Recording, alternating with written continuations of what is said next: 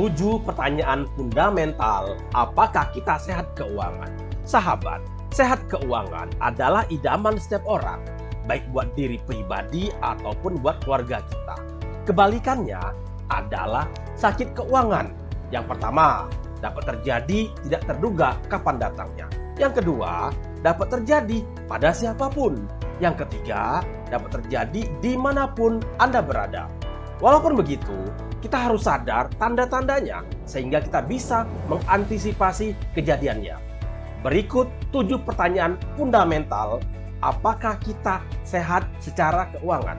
Yang pertama, sebenarnya berapa total penghasilan dan pengeluaran bulanan keluarga Anda? Kejelasan pendapatan dan pengeluaran hanya bisa terjadi jika Anda mencatatnya. Dimulai dari mana? Dari pencatatan pengeluaran harian, pencatatan pengeluaran pekanan, pencatatan pengeluaran bulanan, dan pencatatan pengeluaran tahunan. Pun termasuk pencatatan apakah pendapatan yang selama ini kita dapatkan apakah bisa bersifat rutin, project, atau strategic income. Yang kedua, apakah keluarga Anda sudah menyiapkan dana darurat? Jika di era normal, patokan tiga kali pengeluaran bulanan adalah standar minimal yang harus dimiliki sebuah keluarga. Maka di era new normal hari ini, dengan melihat kondisi makroekonomi kita, maka standar minimal ini harus kita naikkan menjadi 12 kali pengeluaran bulanan. Kenapa? Yang pertama, kita tidak bisa memprediksi apakah perekonomian akan cepat pulih atau malah masih lama membaiknya. Yang kedua, agar kita bisa mengalokasikan aset lancar dari dana darurat sebagai aset investasi dan aset guna pakai. Poinnya adalah jika ada kelebihan pada dana darurat, maka dana tersebut bisa kita switch ke aset investasi. Yang ketiga, apakah keluarga Anda sudah memahami prioritas keuangan teratas? Setiap keluarga haruslah bisa membedakan antara apa itu kebutuhan, apa itu keinginan, dan apa itu kepuasan. Termasuk juga dalam membedakan antara simpanan, tabungan, dan investasi. Dan yang paling penting adalah memprioritaskan mana yang namanya kewajiban agama dan sosial, mana itu utang, mana proteksi, mana menabung, mana investasi, dan kebutuhan rutin bulanan. Juga tidak kalah pentingnya adalah membedakan mana yang gaya hidup dan biaya hidup. Yang keempat, sudah lepaskah keluarga Anda dari bad debt trap jebakan utang jahat. Utang itu pada dasarnya boleh, hanya ada utang yang baik dan ada utang yang jahat. Jika kita bilang utang konsumtif, seperti kita beli handphone baru misalkan, adalah tidak benar. Tetapi, jika handphone tersebut bisa menghasilkan atau yang bisa membiayai dirinya sendiri, maka itu termasuk utang baik. Walau begitu, Utang jelek terjadi jika kita memaksakan gaya hidup kita di mana penghasilan kita belum sampai pada tahap itu. Dan yang tidak kalah pentingnya adalah cara kita berutang, apakah melanggar agama atau tidak. Maka mari kita tanyakan kepada para ustadz, para kiai, para pendeta, para pastor, dan pemuka agama kita masing-masing.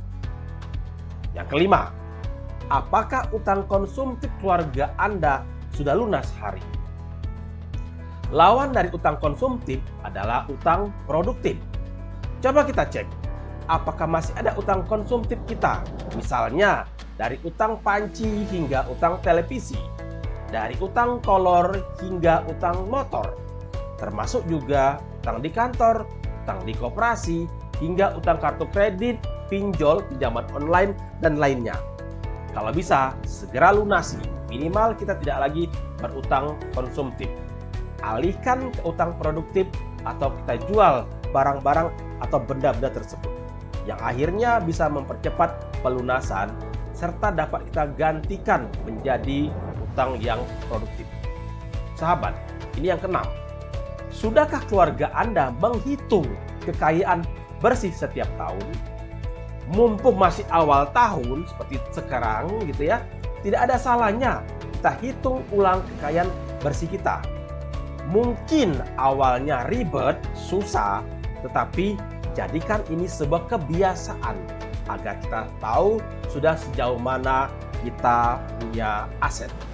Jangan-jangan bukan aset yang nambah, tetapi liability berbalut aset yang lebih banyak.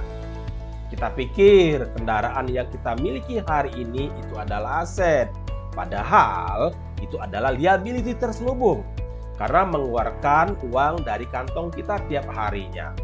Lebih banyak kita gunakan buat bersantai ketimbang buat menghasilkan uang masuk ke kantong kita. Yang ketujuh atau terakhir, apakah dana pendidikan, dana pensiun, dan dana untuk ibadah Anda berjalan sesuai rencana ketika pandemi ini terjadi. Pandemi COVID-19 ini menyisikan banyak PR keuangan yang tidak sedikit. Awalnya kita akan pensiun beberapa tahun lagi, ternyata pensiun dipercepat. Awalnya sudah menyiapkan dana pendidikan, dikarenakan kebijakan WFH (work from home) malah ada dana lebih yang bisa kita efisienkan. Awalnya mau umroh atau haji atau ibadah ke tempat lainnya karena COVID-19 jadi tertunda. Apa pun itu, jadi bijaklah dengan rencana yang sudah tersusun. Jika masih bisa ditunda, kita tunda dahulu. Jika tidak bisa ditunda, maka eksekusilah dengan melihat efisiensi yang ada. Karena hidup kita masih panjang, rencanakan setiap langkah keuangan dengan matang. Setiap pertanyaan ada solusi, maka carilah solusi yang bisa kita eksekusi. Saya Harisol Putra, Managing Director Wellflow 19 Teknologi, founder DOI Daya Optimasi Institute, motivator keuangan Indonesia. Terima kasih sahabat sudah menyaksikan video ini. Jika Anda setuju dengan pesan ini, silakan Anda subscribe, like, comment, and share.